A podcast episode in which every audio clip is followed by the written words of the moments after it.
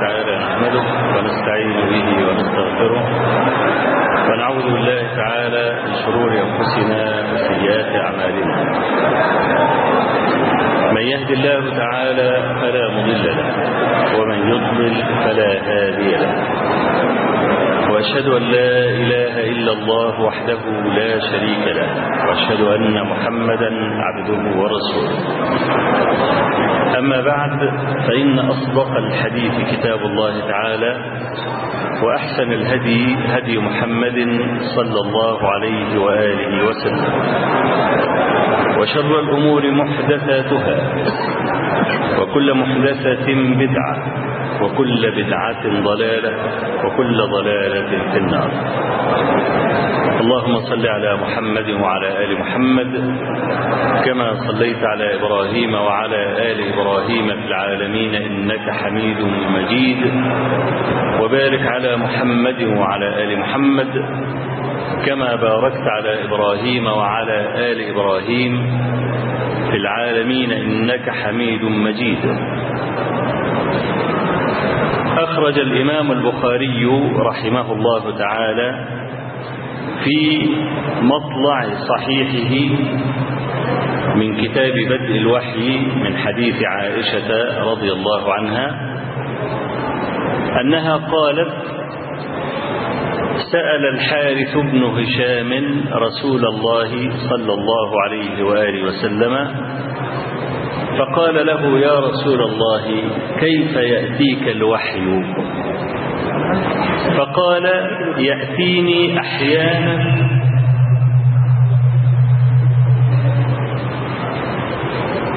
فقال يأتيني أحيانا مثل صلصلة, صلصلة الجرس وهو أشده علي. فيبصم عني وقد وعيت عنه ما يقول.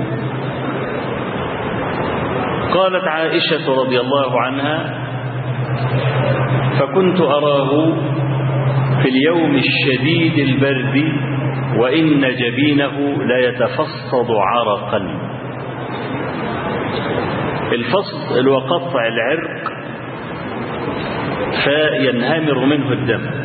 تشير إلى شدة عرقه صلى الله عليه وسلم في اليوم الشافي على خلاف العادة إذا نزل عليه الوحي.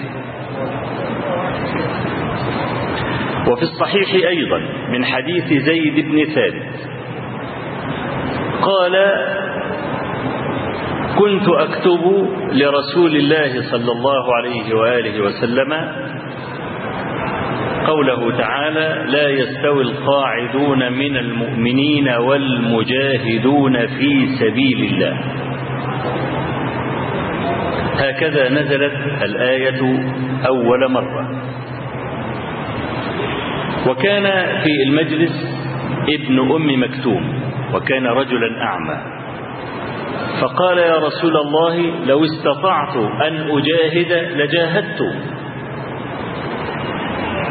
قال زيد وكانت فخذ النبي صلى الله عليه وسلم على فخذي فنزل قوله تعالى غير أولي الضرر. لا يستوي القاعدون من المؤمنين غير أولي الضرر والمجاهدون في سبيل الله.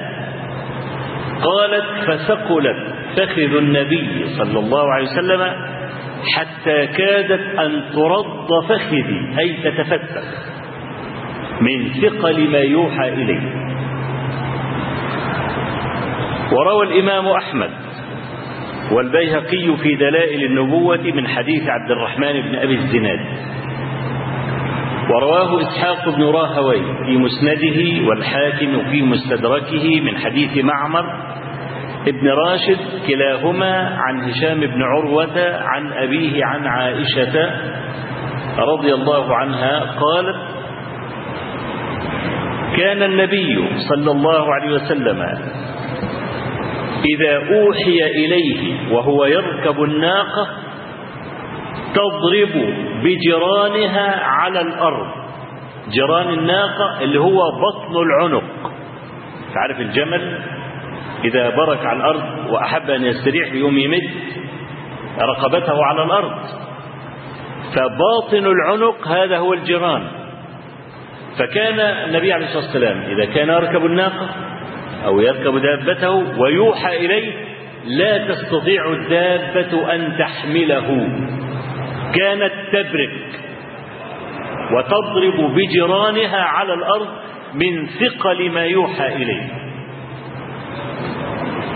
وفي الصحيحين من حديث عائشة أيضا وهو حديث الإفك طويل قالت لما النبي عليه الصلاة والسلام دخل على عائشة وقال لها يا عائشة إن كنت ألممت بذنب فاستغفري الله فإن العبد إذا أذنب واعترف بذنبه ثم تاب تاب الله عليه.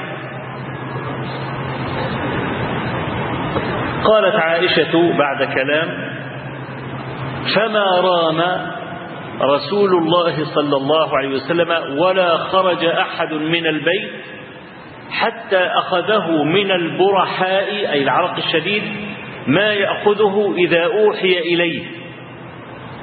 ونزلت الآيات في براءة عائشة رضي الله عنها. وهي تقول وهذا من ثقل ما يوحى إليه. وروى الإمام أحمد في مسنده من حديث أسماء ومن حديث عبد الله بن عمرو بن عاص وغيرهما. أن النبي صلى الله عليه وسلم كان يركب ناقته فنزلت سورة المائدة كلها هذا الحديث في إسناده مقال. قال فدق عضد الناقة ولم تستطع أن تحمله عليه الصلاة والسلام فنزل عنها. هذا مع أحاديث أخرى. كله تعضيضا لقوله تبارك وتعالى إنا سنلقي عليك قولا ثقيلا. فهذا الوحي الذي جاء لحياة القلوب كما قال تعالى يا أيها الذين آمنوا استجيبوا لله وللرسول إذا دعاكم لما يحييكم. لأن حياة القلب لا تكون إلا بالوحي المنزل. لأن الوحي لا يكون إلا في مقابله الهوى. إذا لم يكن ثمة وحي فلا يوجد إلا الهوى. والهوى يهوي بصاحبه. قال تعالى فإن لم يستجيبوا لك هذا هو الوحي. فاعلم أنما يتبعون أهواءهم. هذا هو الهوى. قال تعالى ولا تطع من أغفلنا قلبه عن ذكرنا. هذا هو الوحي واتبع هواه. وقال تعالى يا داود إنا جعلناك خليفة في الأرض فاحكم بين الناس بالحق. هذا هو الوحي. ولا تتبع الهوى فيضلك عن سبيل الله. فليس إلا ثمة وحي وهوى. فالذين يعرضون عن الوحي إنما يتبعون أهواءهم. فحياة القلوب كما سمعتم في آية الأنفال إنما هي الاستجابة لله وللرسول. عليه الصلاة والسلام. يا أيها الذين آمنوا استجيبوا لله وللرسول إذا دعاكم لما يحييكم. طيب إذا كان الوحي فعلا هو حياة القلب فما وجه ثقله؟ إنا سنلقي عليك قولا ثقيلا. ينبغي أن تعلم ابتداء أنك عبد ومعنى عبد يعني لك سيد آمر. وأنك ما خلقت سدى ولا عبثا. وأنه يجب عليك أن تحقق العبودية لله في كل نفس. ليس كما يتصور كثير من الناس بالفهم القاصر في فهم قوله تعالى وما خلقت الجن والإنس إلا ليعبدون. إن العبادة هي الشعائر والصلاة والصوم والحج والكلام. لا. العبادة تستغرق عدد الأنفاس. ففي كل سكنة وحركة أنت عبد. وفي كل صفة وضدها عبودية. أنت الآن استيقظت من نومك في عبودية للاستيقاظ. أردت أن تنام في عبودية للنوم. أنت جائع في عبودية للجوع. أنت شبعان. هناك عبودية للشبع. أنت فرحان. عبودية. أنت غضبان. عبودية أنت قائم عبودية أنت جالس عبودية. فالعبودية تستغرق حياتك كلها. فإذا لم تحقق العبودية خرجت من مسلاخها والنبي صلى الله عليه وسلم يقول الدنيا سجن المؤمن وجنة الكافر. لماذا هي سجن؟ لأنك, لأنك مقيد بأوامر ونواهي. أنت نفسك وحلمك الكبير حلمك الكبير أن تكون غني. ممكن تبقى غني بأنك أنت تشتغل بالربا لكن الربا حرام. تقطع الطرق على الناس وتقتلهم وتأخذ أموالهم لكن هذا حرام. ترتشي ولكن هذا حرام. أنت شاب ملآن بالفتوة عاجز عن الزواج لكن الزنا حرام. مسجون يعني اللي بيدخل السجن بيعرف ان بيفضل في الزنزانة معظم الوقت وبعدين يفتحوا له ربع ساعة فسحة نصف ساعة فسحة على حسب بقى إدارة السجن. تفتح له نص يوم أو ما تطلعوش خالص. فالدنيا سجن ليه إذا قيست بالآخرة. الآخرة ليست سجنا إنما هي متعة. لماذا؟ ليس فيها سؤال. والسؤال من جملة الذل. أيا كان. والأصل في السؤال الحرمة إنما شرع للمصلحة الراجحة. قال تعالى فسألوا أهل الذكر إن كنتم لا تعلمون. أنت بتسأل حتى تتعلم. وإلا فالأصل في السؤال المنع. لا يجوز لك أن تسأل إلا الله. ولكن أبيح لك أن تسأل عن بعض الأشياء من باب المصلحة. الجنة ليس فيها سؤال. ما تتمناه تجده.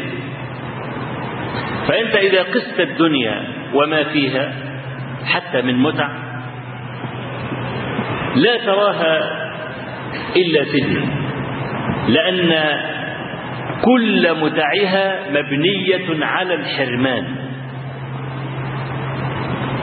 ولو نزع الحرمان منها لما شعرت بمتعة أبدا.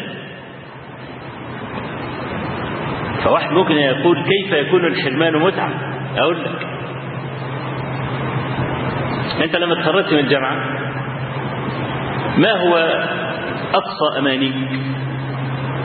بس خليك يعني واقعي في الطلب يعني لا تحلق جناحيك أقصى أمانيك يكون عندك مسكن والطين وصال وتتزوج وبالك دخل. طيب نلت ما تمنيت. وبعدين؟ ناجح في عملك. بدأ يتوفر أموال دائما تتطلع إلى الأعلى.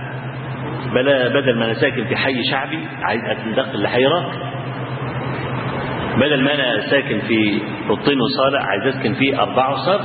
بدل أربعة وصالة عايز أسكن في فيلا. مثلا طب فيلا بجنينة. وبتبتدي تتطلع إنك أنت تحقق هذا الحلم. قد تعجز في بلدك أن تحقق هذا تهاجر وتشتغل عشرين عاما مثلا في الخارج إذا حصلت على ما تمنيت تبقى ما بتنامش الليل. سكنت بقى في شقة تمليك في حي راقي تفضل طول الليل عمال تلف في الشقة فرحان. ما هو سر فرحك يا ترى؟ أنك كنت محروما منها. خلاص؟ بدلت السيارة بتاعتك بسيارة أفخم منها فرحان. وأنت ماشي لو سيارة يعني فخمة يعني مما مما ينظر إليها يعني تبص ليك عمال تبص في المرايات وتبص تشوف الناس بايه بيعلقوا بيقولوا إيه. أو لسه باصين عليك ولا لأ؟ ها؟ إذا كانوا لسه باصين عليك أو واحد بيشاور كده وبتاع مش عارف تبقى أنت مرتبط في نفسك كده وفرحان. ليه؟ كنت محروما. فكل متاعها مبنية على الحرمان. لو نزع الحرمان منها راحت متعتها. أي دنيا هذه؟ فالدنيا سجن المؤمن آه لأنه لا يستطيع أن يفعل ما يريد. لأن في أشياء محرمة لا يستطيع أن يفعلها حتى لو تمناها. واشتهاها الحافظ ابن حجر العسقلاني أحد أئمة الحديث الكبار والفقه وهو مصري. ممن شرفت به مصر في القرن التاسع الهجري. وهو صاحب قاموس السنة وأفضل شرح وضع على صحيح البخاري. ألا وهو كتاب فتح الباري شرح صحيح البخاري. كان ابن خلدون زمان يقول شرح البخاري دين في عنق الأمة. فلما شرح الحافظ ابن حجر العسقلاني كتاب البخاري في هذا الكتاب الماتع الكبير قالوا سقط الدين عن الأمة. وقيل الشوكاني ألا تشرح البخاري قال لهم لا هجرة بعد الفتح. لا هجرة بعد الفتح يشير إلى فتح الإيه؟ إلى فتح الباري كتاب ممتع. حافظ بن حجر نفسه في أول حديث كنفسه في آخر حديث. ظل يؤلف في هذا الكتاب ربع قرن كاملة. 25 سنة يؤلف في هذا الكتاب. ومقدمته في مجلد ظل فيها خمس سنوات في المقدمة لوحدها وكان كبير القضاء. مش عايز أقول قاضي القضاء لأن قاضي القضاء في يعني العلماء متكلمين فيها أنها تساوي ملك الملوك أو الكلام ده هو وفي نهي طبعا زي شاه شاه والكلام ده. كان كبير القضاة في مصر. السلطان كان يحضر مجالسه. وكان إذا أراد أن يسافر إلى بلد يصطحب معه الحافظ ابن حجر. وكان إذا ذهب إلى مجلس القضاء أبها بقى كبير القضاء. فمرة من المرات حافظ حجر خرج من بيته وهو ذاهب إلى المحكمة إلى القضاء يعني. كان في واحد يهودي جربان كده هدومه مقطعة قاعد على ناصية الشارع. وطبعا حافظ بن حجر يركب يعني آه يعني آه فرسا مفهما كده عليه بردعة محترمة يعني. وقدامه بقى إيه كم حمار ووراه كم جحش ويعني إيه اللي هو الإيه الأبهة بقى اللي هو تسوي النهارده الموتوسيكلات والعربيات والسارينات ومش عارف إيه الكلام ده. يعني. يعني موكب إيه؟ مهيب يعني. فاليهودي أول ما شاف الحافظ بن حجر قام قايم على طول واخترق الصفوف وأمسك بالجام البغل وقف. قال له أنا أريد أن أفهم يعني. نبيكم يقول الدنيا سجن المؤمن وجنة الكافر. طب أنت أهو وأنا أهو. أنا قاعد على رصيف وهدومي مقطعة مزيتة و... وانت راجل راكب على فرس مفخم فالدنيا بتاعتكم انت مش بتاعتنا إحنا. فما وجه هذا الحديث؟ فقال له الدنيا سجن بالنسبة لما ينتظرني من النعيم وهي جنة بالنسبة لما ينتظرك من الجحيم. خلاص. حط نقطة وسيب اللجام البغلة بقى. فالدنيا سجن المؤمن آه لا يستطيع أن يفعل ما يريد. ليه؟ لأنه عبد. متكلبش بالوحي. والوحي الذي أعنيه في هذا الكلام هو القرآن والسنة. كانت السنة توحى إلى النبي صلى الله عليه وسلم كما يوحى القرآن. وأجمع العلماء على أن تفسير قوله تبارك وتعالى إنا نحن نزلنا الذكر وإنا له لحافظون أن الذكر قرآن وسنة. ليس كما يتصور بعض الناس الذكر قرآن فقط لا. لأنك لا تستطيع أن تفهم القرآن إلا بضميمة السنة. وإلا لو أفتى رجل وقال لك السمك حرام هتعمل في إيه؟ هتقطع له ديله وشواربه ها؟ ده إذا كان قرموط ها؟ وتسيبه كده إيه؟ وتسيبه يتلعبط كده لوحده يعني ليه عملت فيه كده؟ لأن أجمع الجميع إن السمك حلال طب إزاي؟ والسمك ميتة مش كده؟ والله عز وجل يقول حرمت عليكم الميتة وأنا آه يعني فهمت ان إحنا في مدرسة كلية الحقوق آه فأعتقد في كلية الحقوق بتاخدوا جزء من أصول الفقه. مش كده؟ طيب جزء من أصول الفقه. عندنا العموم.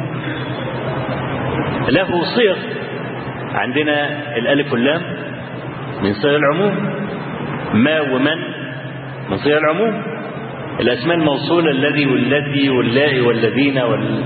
كله من أسماء العموم من صيغ العموم عفوا. آه الألفاظ جميع وكل ومعاشر و... والكلام ده كله من صيغ العموم. أي أنه يشمل كل مفرداته. ادي معنى العام الذي يشمل كل مفرداته. فلما أنا أقرأ بقى ألاقي اسم جنس محلى بالألف واللام ده يفيد العموم. ده الأصل. ولا تنتقل الألف واللام إلى العهد إلا بقرينة. خلاص؟ فهنا حرمت عليكم الميتة. ادي الألف واللام مع الميتة اسم جنس أهو. يبقى تفيد العموم. كل الميت مفيش استثناء. لا سمك ولا جراد ولا الكلام والدم أهو اسمه جنس المحلى بالألف واللام. يبقى كل عموم الدم مش مستثنى من الكبد الطحال طيب أنا لو خدت القرآن لوحده كده دون أن أضم السنة يبقى أنا احرم السمك ولا لا؟ أحرمه. أحرم الكبد ولا لا؟ أحرمه لأنه دم. ها؟ لكنه دم متجمد. فيبقى لا أستطيع أن آخذ القرآن إلا بضميمه السنة. لأجل هذا قال الله عز وجل للنبي عليه الصلاة والسلام وأنزلنا إليك الذكر لتبين للناس ما نزل إليه فلا يتم البيان إلا بالسنة لأن كثير من آيات القرآن مجملة تحتاج إلى بيان. واللغة وحدها لا يمكن أن نفهم مراد الله من اللغة وحدها أبدا لأن مراد الله عز وجل أكبر من مجرد اللغة. في صحيح الصحيحين من حديث مسعود لما نزل قوله تعالى الذين آمنوا ولم يلبسوا إيمانهم بظلم أولئك لهم الأمن وهم مهتدون. برضو قاعدة أصولية أنا أنا براجع معاكم عشان الجماعة اللي بيدرسوا أصول فقه ولا حاجة إذا مرت دي حاجة زي كده مش عارف يذاكرها ياخد. قاعدة عندنا في العربية وفي أصول الفقه. النكرة إذا جاءت أنا على فكرة مش هقلبها درس علمي أنا بس عايز أمر بس مر الكرام وهرجع لسبب ثقل الوحي عشان بس مش حد يتصور إن أنا طرحت السؤال ثم نسيت الجواب. سأرجع إلى الجواب. آه النكرة اللي هي منزوعة الألف واللام الاسم اللي ما فيش فيه ألف ولام. إذا جاءت في سياق النفي تفيد العموم. خلاص؟ يبقى عندي الذين آمنوا ولم لم دي نافية أهي. خلي بالك من النكرة اللي جاية بعد كده. الذين آمنوا ولم يلبسوا إيمانهم بظلم. يبقى ظلم هنا إيه؟ نكرة. الصحابة لأنهم عرب الأقحاح لم تختلط العجمة لا بعقولهم ولا بألسنتهم. أول ما نزلت الآية انزعجوا. ليه؟ لأن لم يلبسوا إيمانهم بظلم. أي ظلم كان أي ظلم حتى ما لو كان كالذرة أو مثقال الذرة. طب من فينا لم يظلم؟ من فينا خالي من الذنب؟ والظلم لا أحد اطلاقا. يبقى إحنا كل ايماننا مخدوش. الصحابة انزعجوا لأجل هذا. فجاءوا فقالوا يا رسول الله أينا لم يلبس إيمانه بظلم؟ كلنا كلنا هذا الرجل. يبقى رجعوا إلى اللغة في فهم القرآن. ما هو النكر في سياق النفي في العموم ما دي لغه فرجعوا إلى أصل اللغة عندهم. أينا لم يلبس إيمانه بظلم قال ليس كما تفهمون. أي ليس الذي فهمتموه من مجرد اللغة هو مراد الله. ألم تسمعوا قول العبد الصالح إن الشرك لظلم عظيم؟ فهذا هو الظلم. خلاص؟ يبقى خرج اللفظ مخرج العموم ويراد به خصوص الشرك دون سائر أنواع الظلم. يبقى اللغة وحدها لا تكفي في معرفة مراد الله سبحانه وتعالى. يبقى اذا لابد أن تضم السنة إلى القرآن. اذا تفسير الآية إنا نحن نزلنا الذكر وإنا له لحافظون. الذكر قرآن وسنة. لازم تاخدهم مع بعض. واحد يقول القرآن الأول وبعدين السنة رقم اثنين. أقول لك لا السنة درجات. في سنة لازم تاخدها مع اللفظ القرآني الاثنين مع بعض.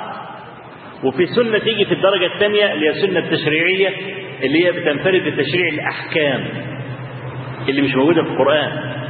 لكن السنة لابد أن تؤخذ مع القرآن الاثنين مع بعض إذا كانت مبينة لمجمله.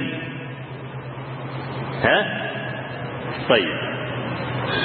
يبقى الوحي الذي أعنيه قرآن وسنة. إذا كان الوحي هو حياة القلوب كما سمعتم. وجه ثقله أنه سجن دي نمرة واحد. نمرة اثنين أنك به تكون عبدا. والعبودية متعة. لا يعرف متعة العبودية إلا من جربها. أنا أقول لك حاجة عجيبة وقعت لي وأنا ذقتها فترة من فترات كنت أصلي على كرسي. فكنت أصلي إيماء بصلي بإيه؟ براسي. وفي الركوع السجود. لم يكن للصلاة طعم. ليه؟ لأنني حرمت من وضع جبهتي على الأرض. والله العظيم متعة أنا لم أعرفها إلا بعدما حرمت منها. نزلت أصلي على الأرض. كنت أقعد على الأرض بدل ما أقعد على الكرسي عشان أسجد.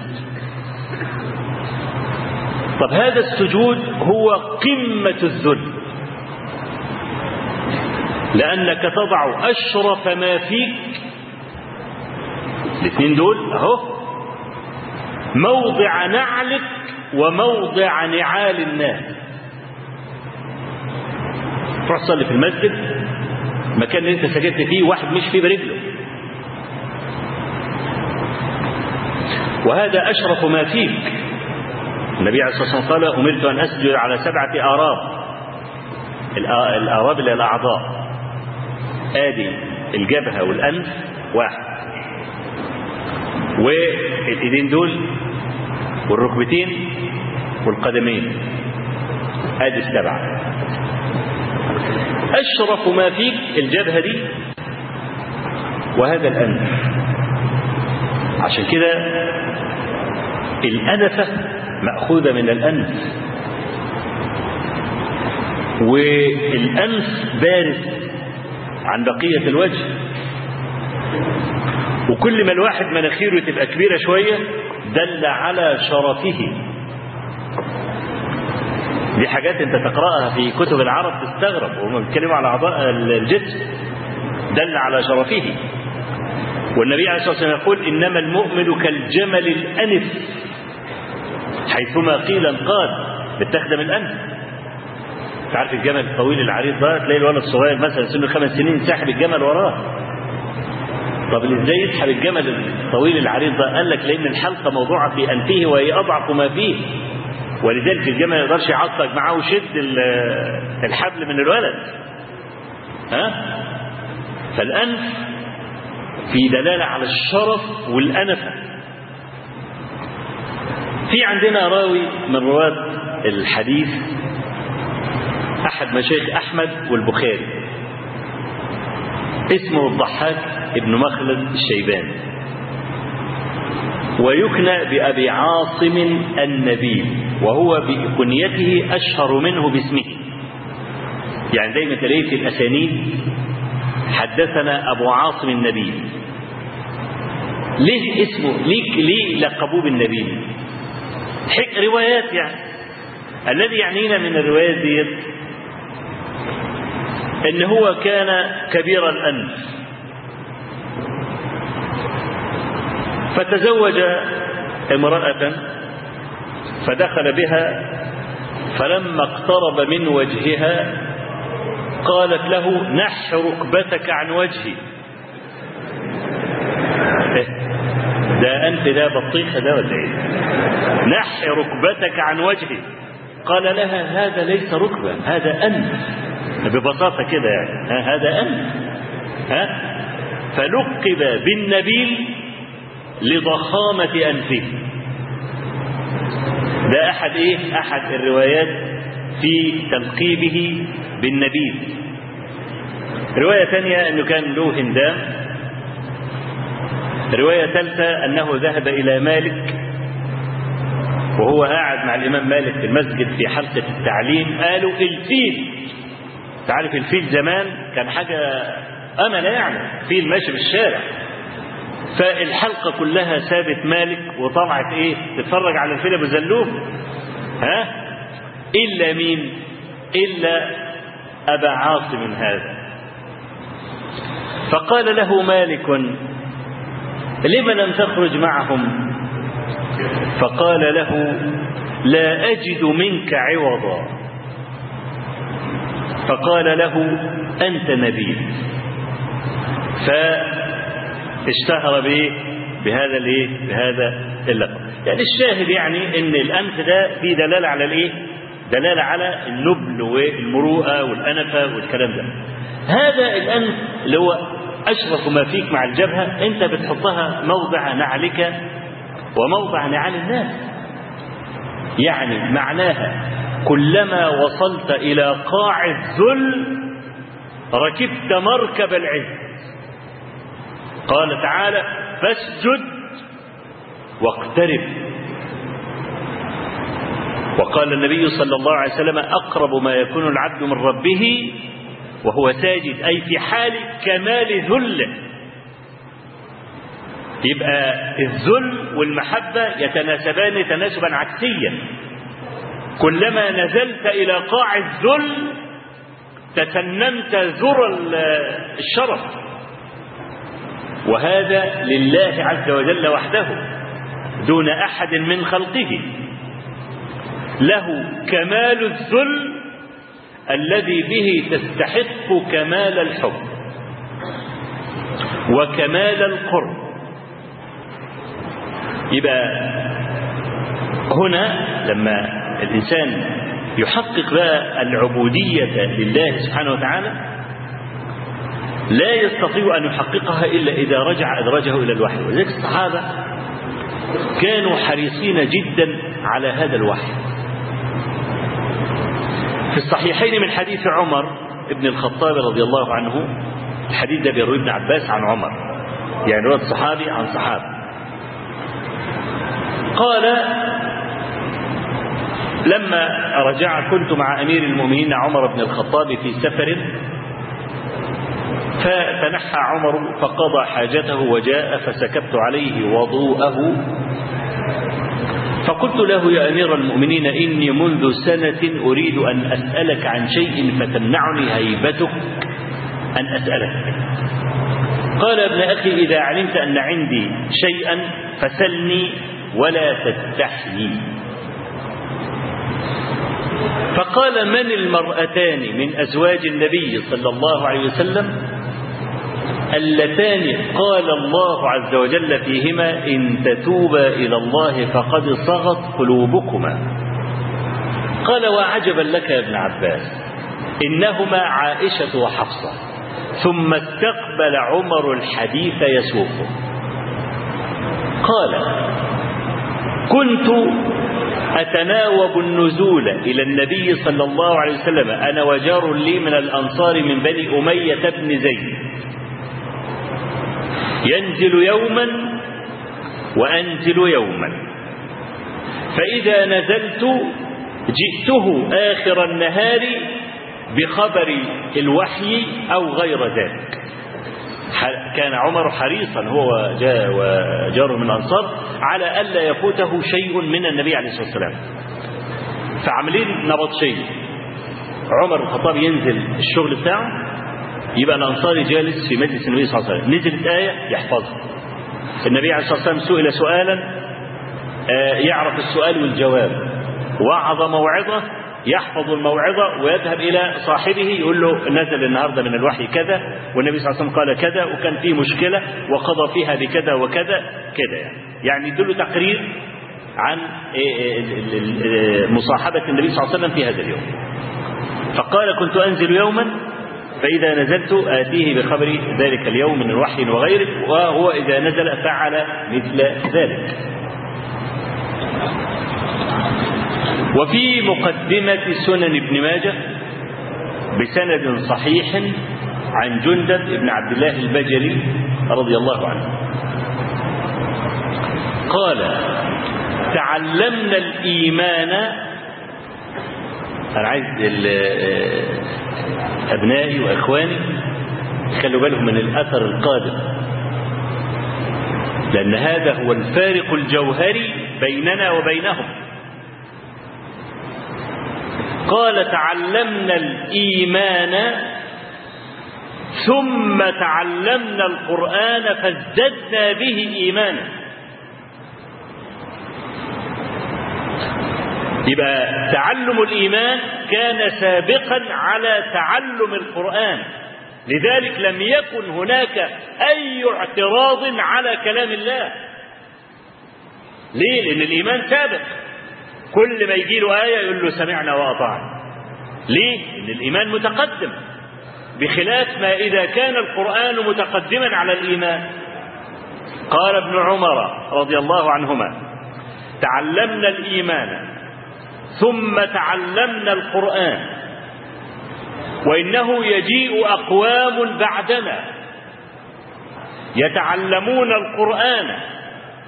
يشربونه شرب الماء. يقيمون حروفه ولا يقيمون حدوده. يقيمون حروفه. التجويد يعني. تقعد تتقعر عشان تجيب الحرف. دي حروف القرآن. أين حدوده؟ يعني مرة واحدة كانت بتعلم أخوات الاستعاذة. فغابت تلت ساعة تعلمهم كيف يخرج حرف العين من الفم. طبعا الهمزة دي مرققة فهي تقول لهم يلا قولوا أعوذ بالله من الشيطان وتقوم واحدة مثلا من العوام تقول أعوذ بالله تقول لها لا مش أعوذ. أعو أعو تلت ساعة أعو خلاص؟ ونمر على آية مرور الكرام ولا نعرف ماذا يريد الله منا أنا لا أقلل من التجويد بس أنكر التقعر فيه لا سيما إذا كان على حساب حدود القرآن. وهذا هو الذي أنكره ابن عمر.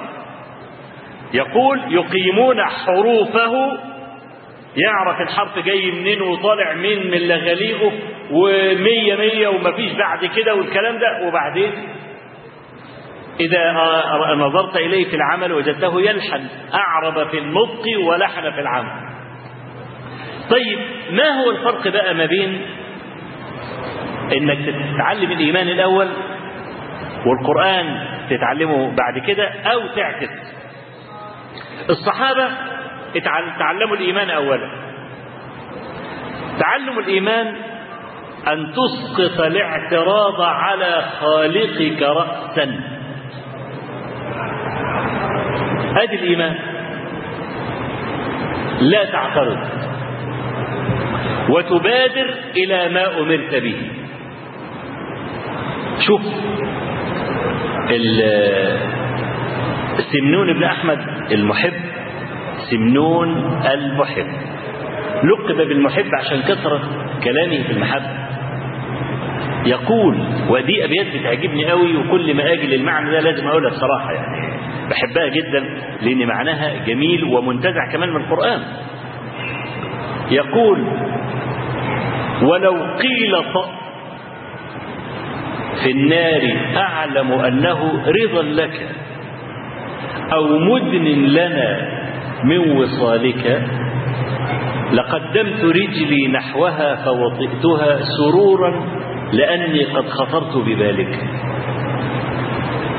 أنا ما أعرفش سمنون ده كان بيجيب الكلام ده إزاي. بينحته نحت.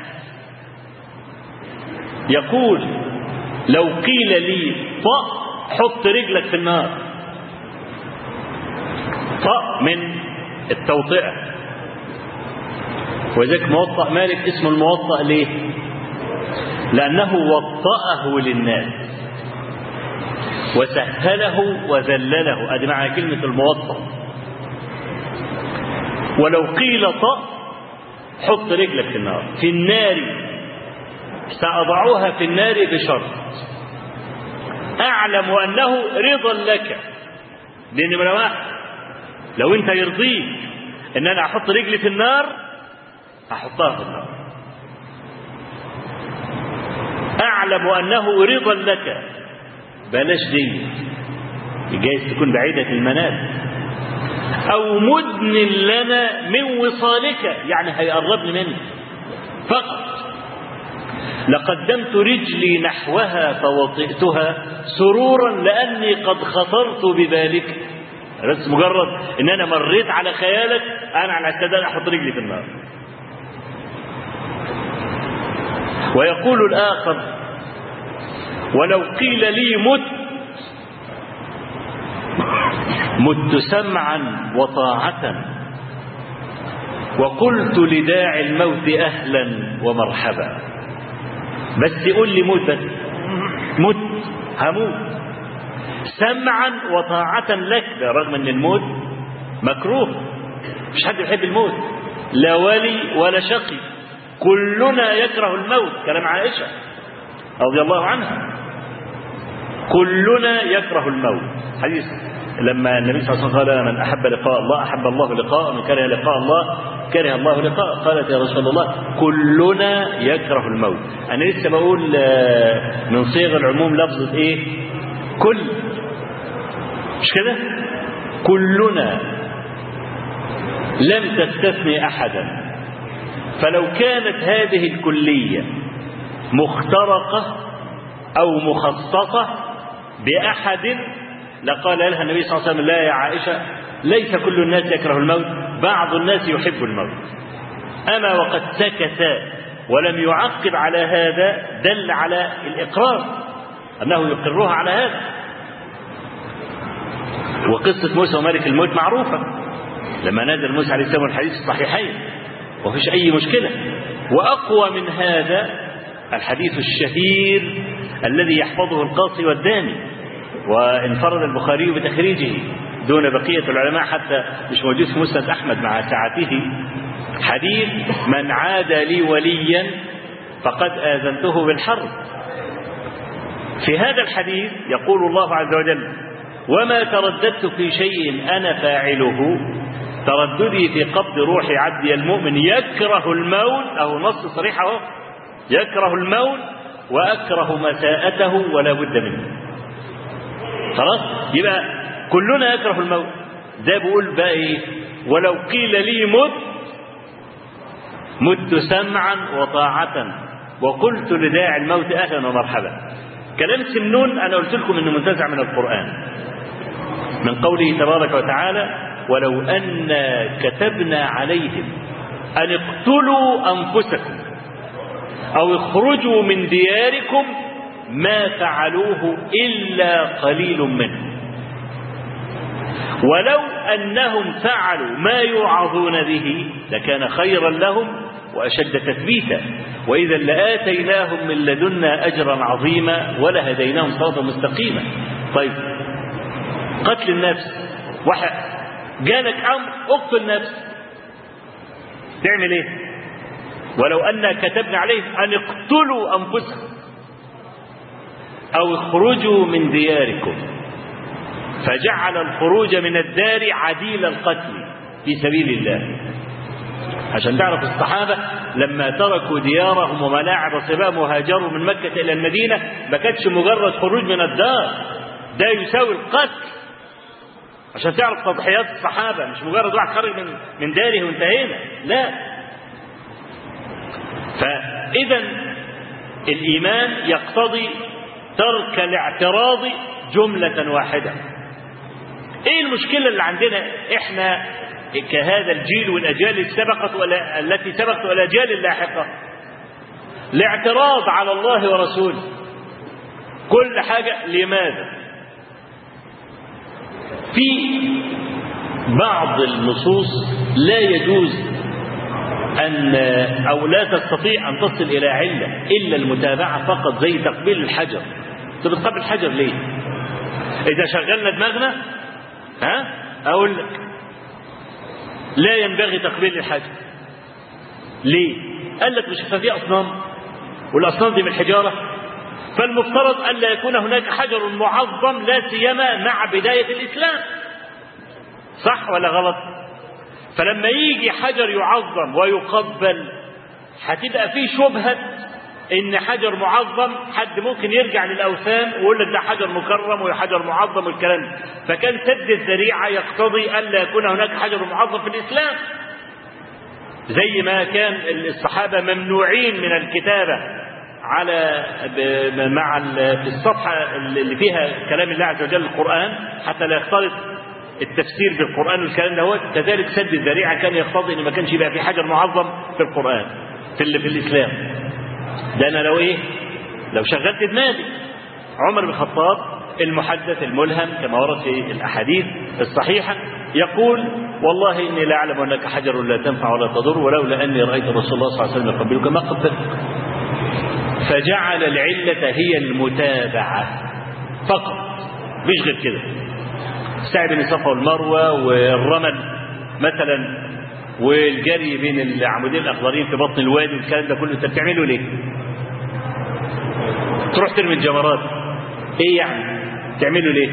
الجماعة اللي كانوا بيدوروا في رمي الجمار على علة ضرب العمود بالشبشب أنا شفت واحد حضن العمود أيام زمان يعني قبل لما كان رمي الجمار مقتلة يعني حضن العمود وبالشبشب وعمال يديله طبعا قفاه ورم من الرمي ها يعني هو الذي كان يرجم. ناس عماليه ترجم فيه وهو عمال يضرب بالشبشب في العمود. طب ده يعني انت متصور العمود ده إيه يعني؟ هو ده الشيطان؟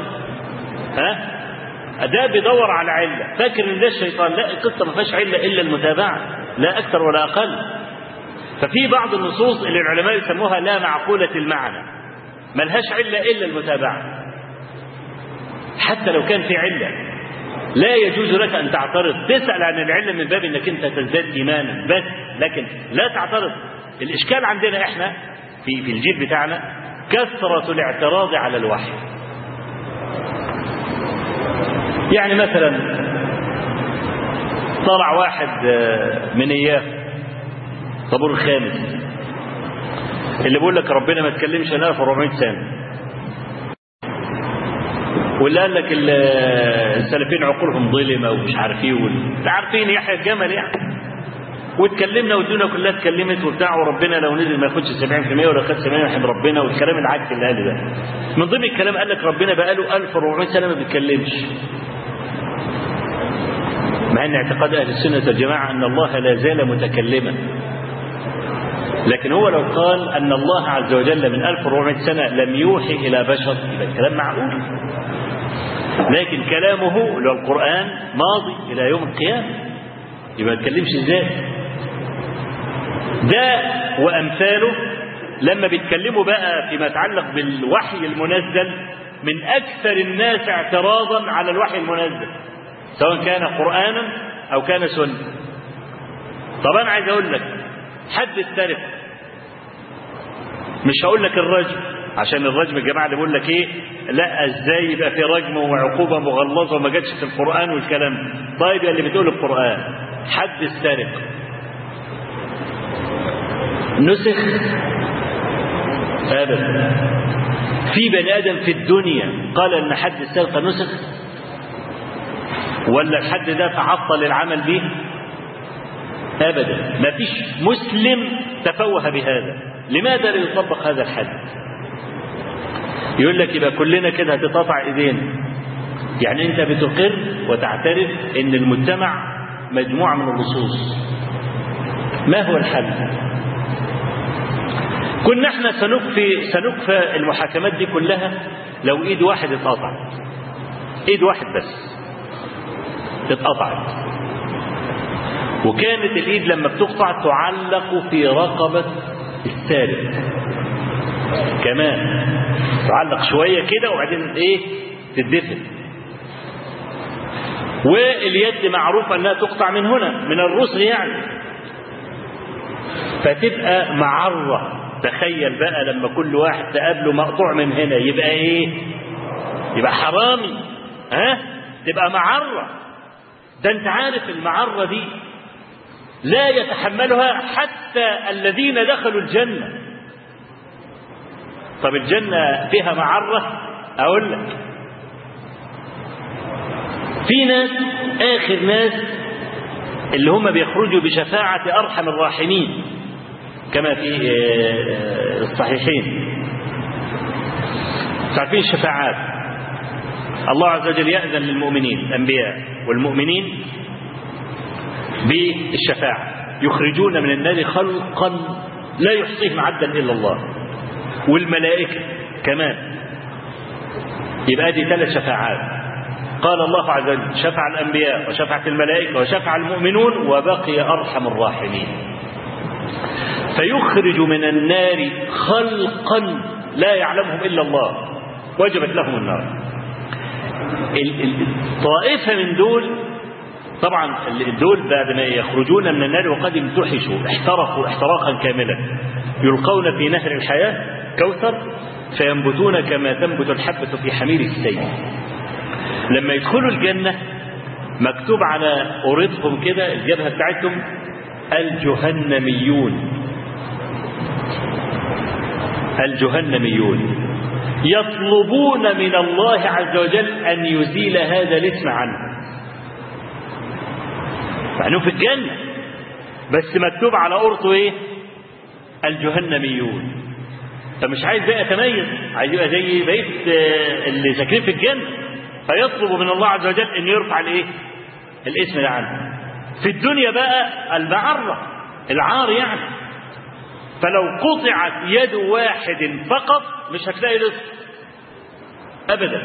لكن أنا لما يسرق وأوديه المزرعة طب ما هو بياكل فراخ مشوية كل يوم. أنا يا اللي بره حر طليق أطير بجناحي مش لاقي الكتكوت. ها؟ هو بيدخل له الأكل الساخن يوميا. ليه ما يطلعش حرامي تاني؟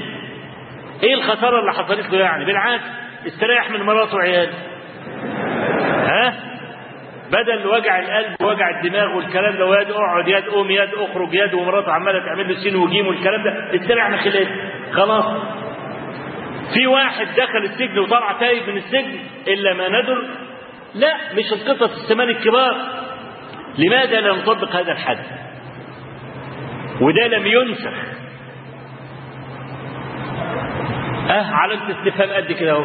خلاص لم تطبق الحد استحمل الخراج باختصار يعني. وهذه العقوبة ومن أعرض عن ذكري فإن له معيشة ضنكا. يعيش في الضنك طول عمره طالما أنه أعرض عن الذكر الذي أنزله الله عز وجل. حد الرجم. حد الرجم هذا من السنة العملية المتواترة. أي تواتر العمل بها بغير نكير. وحد الرجم خاص بالزاني المحصن. أي إنسان متزوج مش لازم يكون زنا يكون متزوجا حال زناه. أصل في بعض الناس فاكر إن لو لو واحد تزوج وطلق ما يبقاش محصن لا. هو إذا دخل بامرأة أيا كان بقى طلق أو المرأة ماتت أو المرأة معاه ده اسمه زاني محصن. على عكسه البكر. الزاني المحصن إذا زنى سواء كان رجل أو امرأة يحفر له في الأرض حفرة ويدفن نصفه السفلي في الأرض ويرجم بالحجارة في رأسه حتى يموت. عمر بن الخطاب رضي الله عنه كما في صحيح البخاري في كتاب الحدود تنبأ إن في جماعة من الجماعة اياهم دول حقيقي وقد حدث بعد عمر بشوية كده لما ظهر الفرق المبتدعة والكلام ده. قال لقد رجم رسول الله صلى الله عليه وسلم ورجم أبو بكر ورجمت وأخشى إن طال بالناس زمان أن يقول أحدهم لا نجد الرجم في كتاب الله. فيضل بترك فريضة أنزلها الله ولولا الرواية خارج البخاري ولولا أن يقول الناس زاد عمر في كتاب الله لكتبتها على حاشية المصحف. أهو.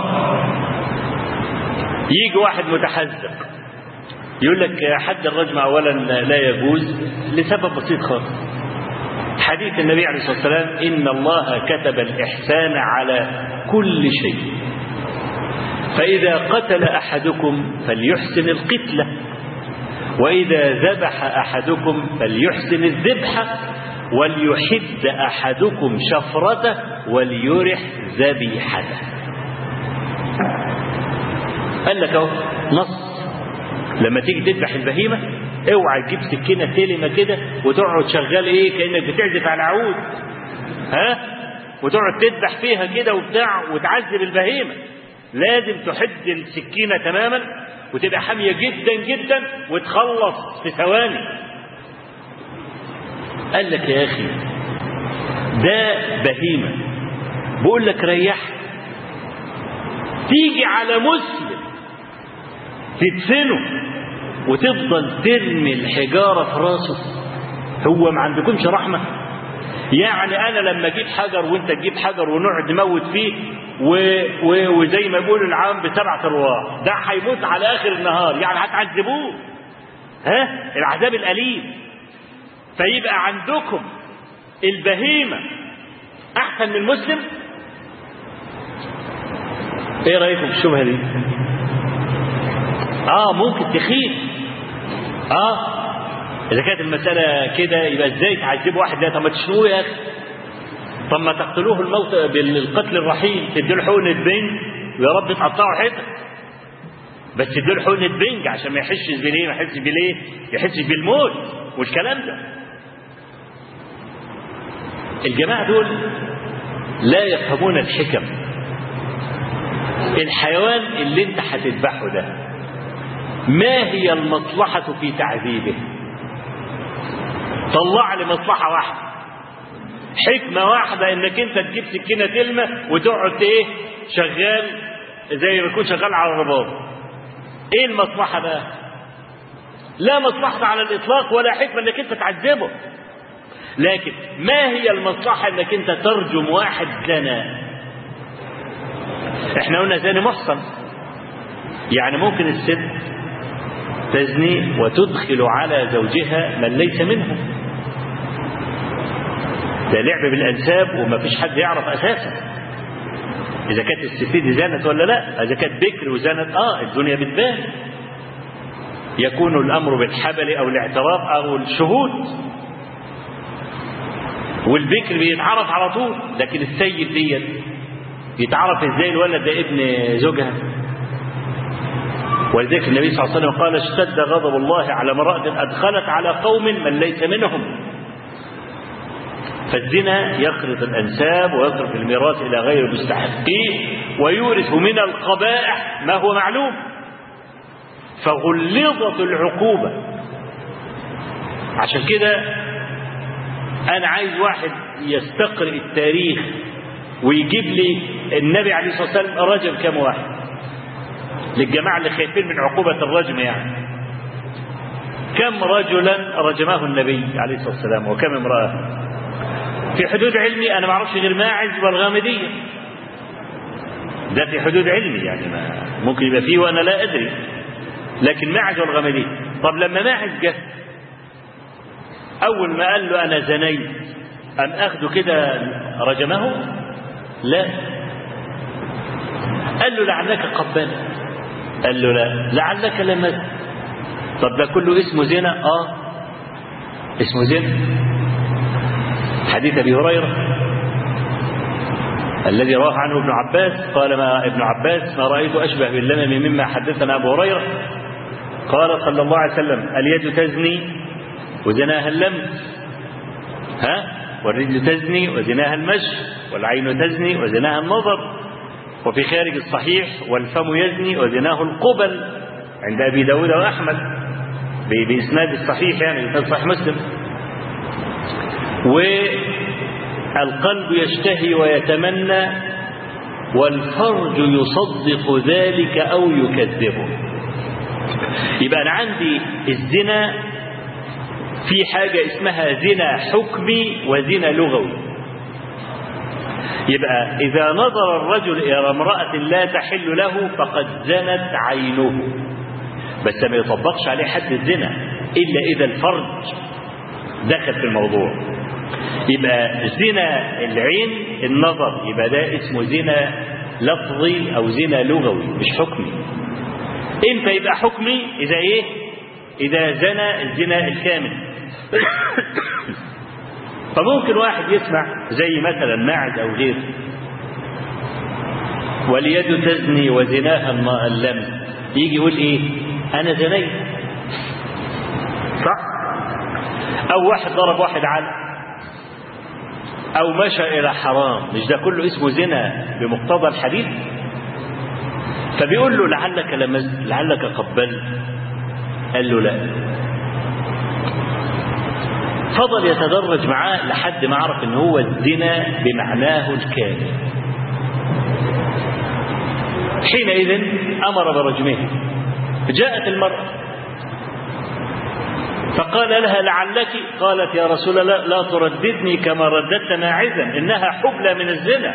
دغري كده تقول لعلك قبلت لعلك لامست لعلك لا هي حبلى من الزنا. ألا طب خلاص. انتظري حتى تضعي مولودك. انتظر لحد ما ولد ولدت جاءت به في خرقة قالت له إنها ولدت. شوف يا أخي الالتفات يعني تتحدث عن نفسها بضمير الغائب لأنها فضيحة. إنها ولدت كأن مش هي يعني. فقال أرضعي.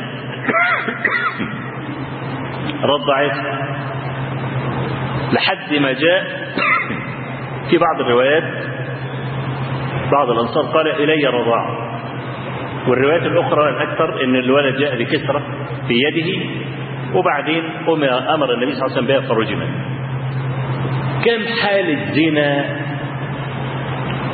ظهرت بعد كده. إحنا ما نعرفش ما نقدرش ما كانش في زنا. آه ممكن يبقى في زنا بس لم يستوفي شروطه واحد زنا من ورا باب من ورا جدار خبى نفسه بتاع الكلام ده. ليس لنا اطلاقا إن إحنا نفتش على الناس. خالص. لكن لو أن رجلا رأى هذا المنظر يمكن أن يزني؟ عندنا بقى اعتراضات بالجملة على نصوص الشرع. وتحريف كمان. أنا لا أنسى ال ما يسمونه بالتفسير الباطني أو التفسير الإشاري عندما جاء الجائي يقول من ذا الذي يشفع عنده إلا بإذنه؟ الآية لها مفهوم مختلف وقراءتها كالآتي. من ذل من الذل من ذل ذي اسم إشارة إلى الذات أي من ذل نفسه يشفى من الشفاء عي فعل أمر من وعد ده إيه ده بقى يطلع إيه بقى ده قرآن. ده مش قرآن. من ذل ذي يشفعي أي من ذل نفسه يشفى من أمراض الكبر والمش عارف إيه والكلام ده. عي هذا الكلام. هيكون منه على دراية. ها؟ نفس البني آدم ده يقول لك في تفسير قوله تعالى إن الذين كفروا سواء عليهم أأنذرتهم أم لم تنذرهم لا يؤمنون. قال لك الذين كفروا أهل الورع. إزاي؟ قال لك أيوة. ما هو الذين كفروا إيمانهم يعني غطوه. أصل الكفر التغطية. لما نقول مثلا كفر الزيات كفر الشيخ كفر البطيخ ها؟ في دمياط كفر البطيخ ده ما حاجة مش مش التسميه بتاعتي يعني. أي كفر من الكفور أصله إيه؟ أصله البيوت التي التفت حولها الأشجار فكفرتها ووارتها عن الأنظار. وسمي الليل كافرا لأنه يغطي النهار وسمي الكفر كفرا لأنه يغطي الإيمان. وسمي الزارع في أرضه كافرا كمثل غيث أعجب الكفار نباته كفار هم الزراع. ليه؟ لأن الفلاح أو الزارع بإيه؟ بيحط البذرة في باطن الأرض فيحجبها عن الأنظار.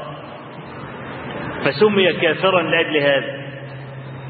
فقال لك إن الذين كفروا أي غطوا إيمانهم فلا يراه أحد. هؤلاء ختم الله على قلوبهم فلا يدخلها غيره. يا حلاوة. يعني بالشمع الأحمر يعني. ها؟ أشوف ختم الله على قلوبهم بالختم اهو ما يدخلهاش غيره. الكلام ده ممكن يبقى مهبول عند أي بني آدم بيقرأ عربي ولا بيفهم عربي؟ أهو ده بقى التفسير الإشاري. وده اعتراض بقى على الوحي وعلى آيات الله ولهم أهوال تشيب منها الرؤوس. فالصحابة الأوائل كان الإيمان متقدم يجي الأمر ينفذه فورا.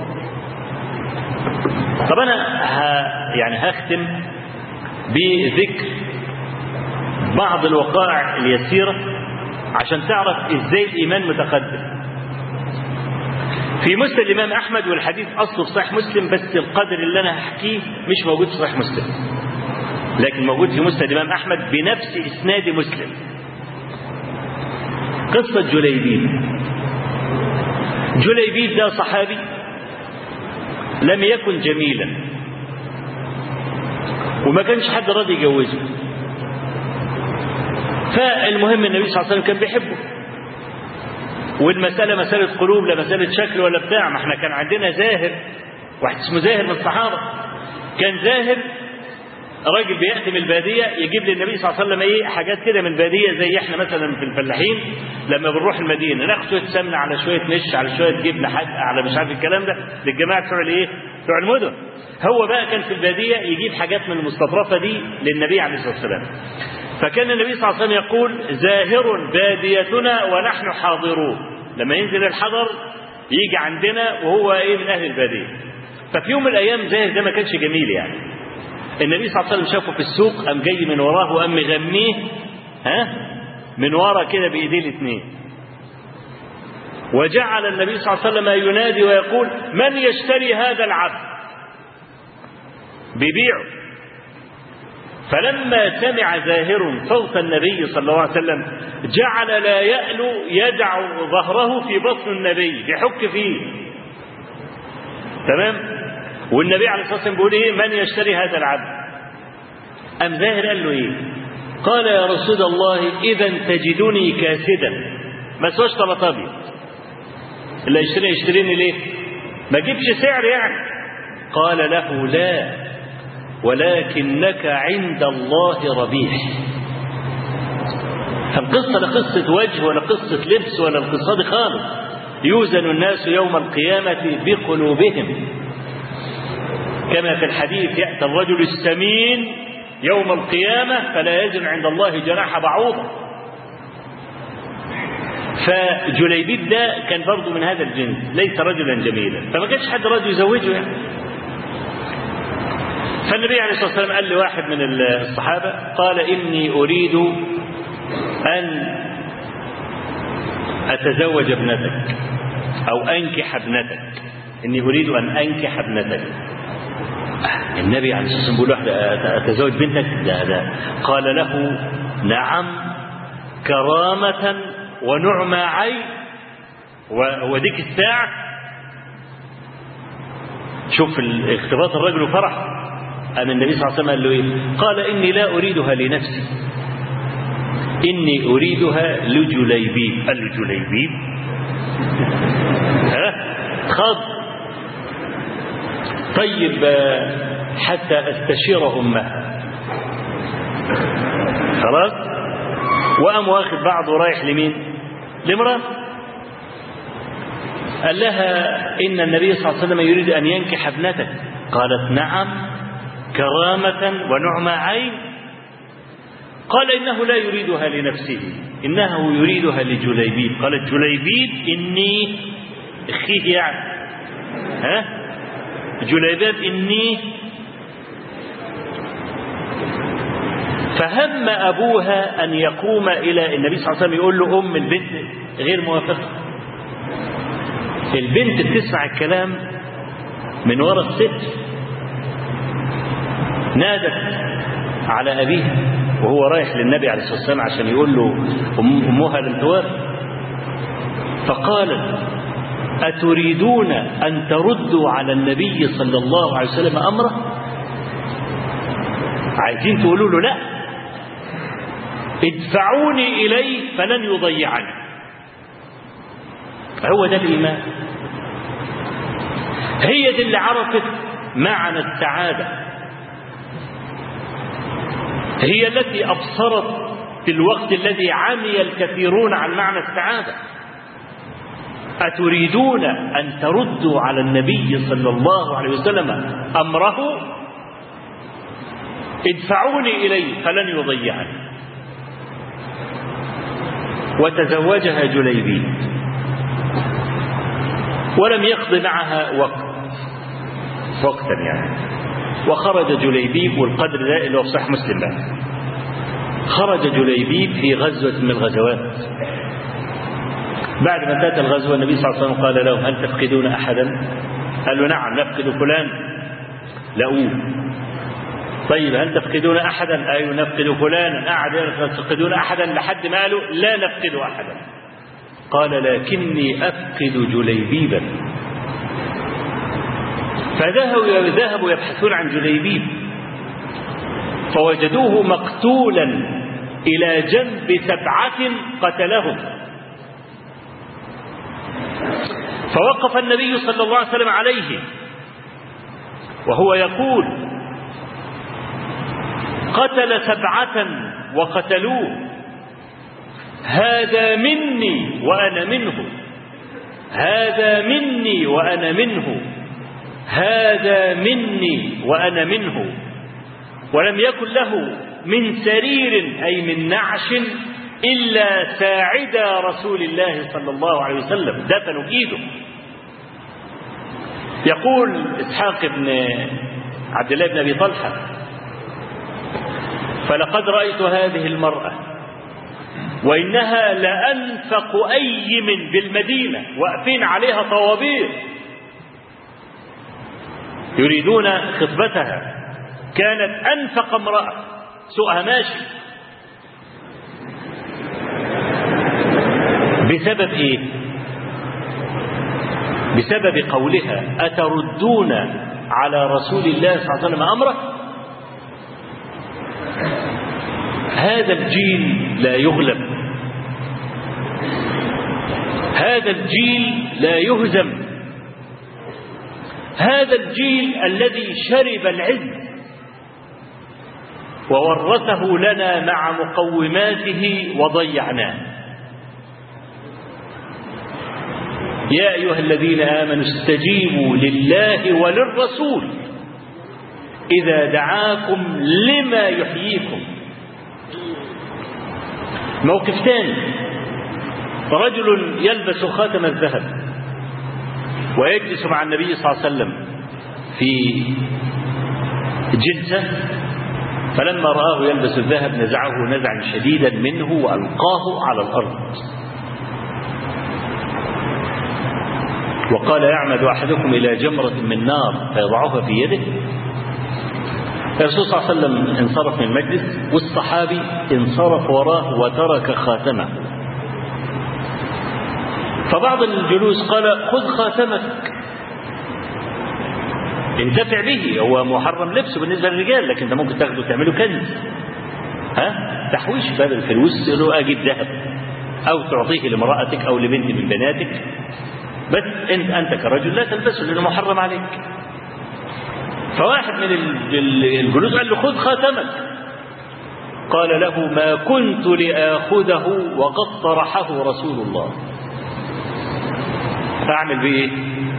طالما أخذه من إيده ورماه أنا ما مدش إيدي عليه. موقف ثالث.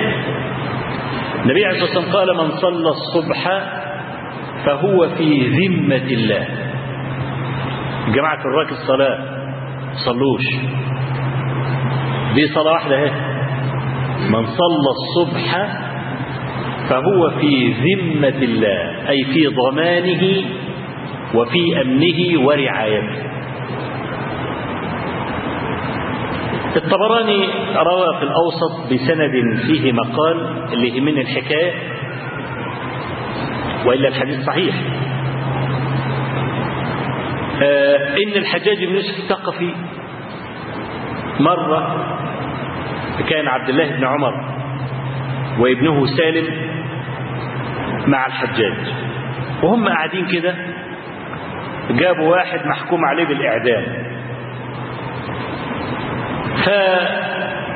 فالحجاج قال لسالم خذ هذا الرجل واقتله على هذا النطع النطع اللي هو جلد كده كان يتفرش على الأرض عشان لما يذبح واحد ولا يزيد ولا حاجة دمه إيه؟ ما ينزلش على الأرض. قام سالم واخد الراجل وخارج. وبعدين سأل سؤال قال له أصليت الصبح؟ قال له نعم. قال خذ أي طريق شئت اهرب بجنك عشان إيه؟ الحديث. واحد في ضمان الله تذبحه إزاي؟ والحديث اهو. المهم رجع سالم فالحجاج قال له ها قتلته؟ قال له لا خليت سبيله قال إزاي؟ أنا لك اقتله اذبحه قال إن أبي هذا وأشار إلى أبي بن عمر كان جالس مع الحجاج. حدثني. أن رسول الله صلى الله عليه وسلم قال من صلى الصبح فهو في ذمة الله. فقال له ابن عمر كيف؟ والذكي إنما سميتك سالما لتسلم. أنا عندي حديث. والنبي عليه الصلاة والسلام يقول في من صلى الصبح فهو في ذمة الله. كانوا وقافين. أنا لو قعدت أسرد الحكايات طويلة جدا وكثيرة جدا. الإيمان كان سابقا اللي هو متمثل في تفعيل مبدأ سمعنا وأطعنا. لما أقول لك ما تسوحش كتير ها؟ يعني النهاردة مثلا بصراحة كده اللي مش مرتاح مش ما كانش مرتاح ليه؟ يقول لك هيتعمل لي ملف طب النهارده ممكن يتعمل لك ملف أنتوا مالكم ساكتين ليه؟ مش مصدقين؟ أحلف لكم. ها؟ إن مش هي مش هيتعمل لك ملف يقول لك طيب أي كمين ينزلوني؟ أي عربية ينزلوني؟ مش عارفين الكلام. ده طب راحت الحدوتة يا سيدي. ولا عاد في حاجة ولا الكلام ده. وانت كنت بتقول أنا بحب ربنا وبحب الرسول وعايز أتسنن والكلام ده. وعلى فكرة اللحيه حكمها الفرضية مش سنة كده زي ما الناس بتقول. لا. هو مش عايز يدخل في الحكم الشرعي والكلام ده. طب أنا بقول لك يا سيدي حتى لو سنة وانت بتحب النبي عليه الصلاة والسلام. ها؟ لو قابلك في الطريق كده وقال لك أنت ليه؟ لماذا تحلم؟ هتقول له إيه؟ تعرف تجيب يعني إجابة مقنعة؟ وهو قال لك اعفوا اللحى وقصوا الشارب وخالفوا اليهود والنصارى وخالفوا المجوس. مش حد يقول للأسيس ملتحي والحكام ملتحي لأن أنا لسه قايل العموم إن اسم الجنس المحل بالألف واللام يفيد العموم.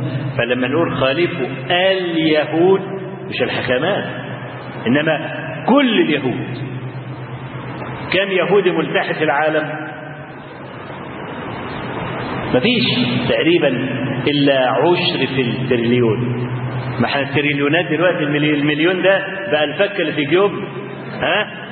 ما هو عاطف عبيد بقى هو اللي علمنا المليار. ما كناش نعرف نقول المليار دي ولا نقرب منها.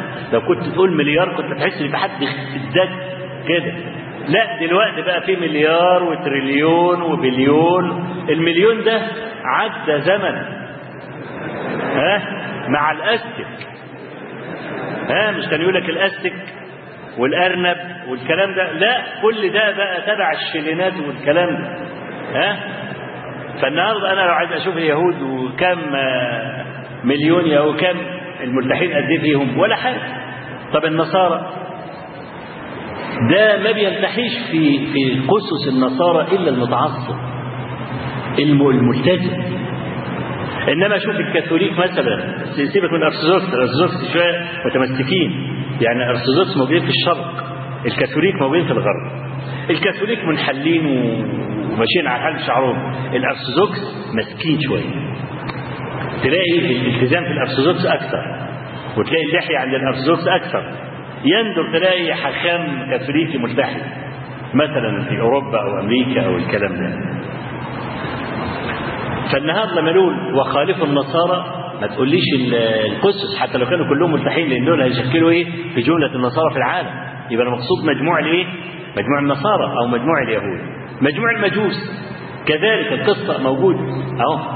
طيب افترض الصبح كده صبحنا الصبح لقينا كل اليهود ملتحين. وكل النصارى ملتحين وكل المجوس ملتحين. نعمل إيه نحلق ما هو قال لك خالفه. ها؟ ما هو ما لازم نفهم إيه؟ خالفوا اليهود والنصارى. ليه؟ قال لك اعفوا اللحى عشان هو ما يعفيش لحيته. طب هو أعفى لحيته؟ وقعني في المطاب أحلى أنا بقى؟ قال لك لا. لأن اللحية من سنن الفطرة. سنن الفطرة هي القدر الثابت في الدين الذي يتوارثه الأنبياء ولا يتغير. بتغير الشرائع. الشريعة اللي بتتغير وهي مجموعة الأحكام الجزئية المتعلقة بأمة من الأمم. بخلاف الفطرة الفطرة هي الدين. ها؟ جزء من الدين. عشان كده الأنبياء إيه؟ يورثون الفطرة. فطرة الله التي فطر الناس عليها اللي هو الدين نفسه. فمن سنن الفطرة اللحية. فلو أنهم جميعا أعفوا لحاهم يبقى نحن أيضا نعفي لحيتنا لأننا نشترك معهم في أصل الفطرة. ويبقى سلمت فطرته في هذه الجزئية. فالنهاردة زال الإيه؟ العائق اللي أنت كنت خايف منه. فهل هذا يدعوك إلى أن تفعل هذا؟ ها؟ عشان لو النبي صلى الله عليه وسلم لقيك وقال لم لم تفعل كذا وكذا وقد زالت العوائق؟ ما الذي يمكن أن تقوله له؟ أنا بمثل بلحية ليه؟ لأنها هي الهدي الظاهر الذي يميزك عن غيرك. في أشياء أخرى عشان ما فيش حد يقول لي يعني جت على اللحية وتصدرت يعني؟ ما أنتش لاقي غيرها مش لاقي حاجة غيرها ها؟ أنا أقصد إن دي من الهدي الظاهر الذي يميزك. يعني أنا لو ماشي في الشارع حد يختلف على أنني مسلم؟ ها؟ حتى لو كان عينه رايحة كده؟ ها؟ ما هو بيقول لك راجل أحول وعنده بغبغان أحول. مسك البغبغان حد يحبه جوه القفص قام حطه بره القفص؟ البغبغان حب يهرب قام داخل جوه القفص؟ ها؟ ما هو ها؟ فحتى لو واحد رايح كده هيختلف على أنا مسلم ابدا. ليه؟ قال لك لأن أنا عندي هدي ظاهر مميزني وده نوع من أنواع العزة. نوع من أنواع العزة إنك أنت تتميز. وكل طائفة بتتميز بحاجة. خلاص؟ لكن لو واحد مثلا ماشي في الشارع. بعد اختلاط الأزياء وكله بيلبس بنطلون وقميص ومش عارف إيه والكلام ده وبتاع. ممكن تعرف المسلم؟ لا. إلا إذا ظهر عليه حاجة تدل على علامه صلاه شايل سبحه في إيده. مع إن السبحة برضه ما عادتش إيه؟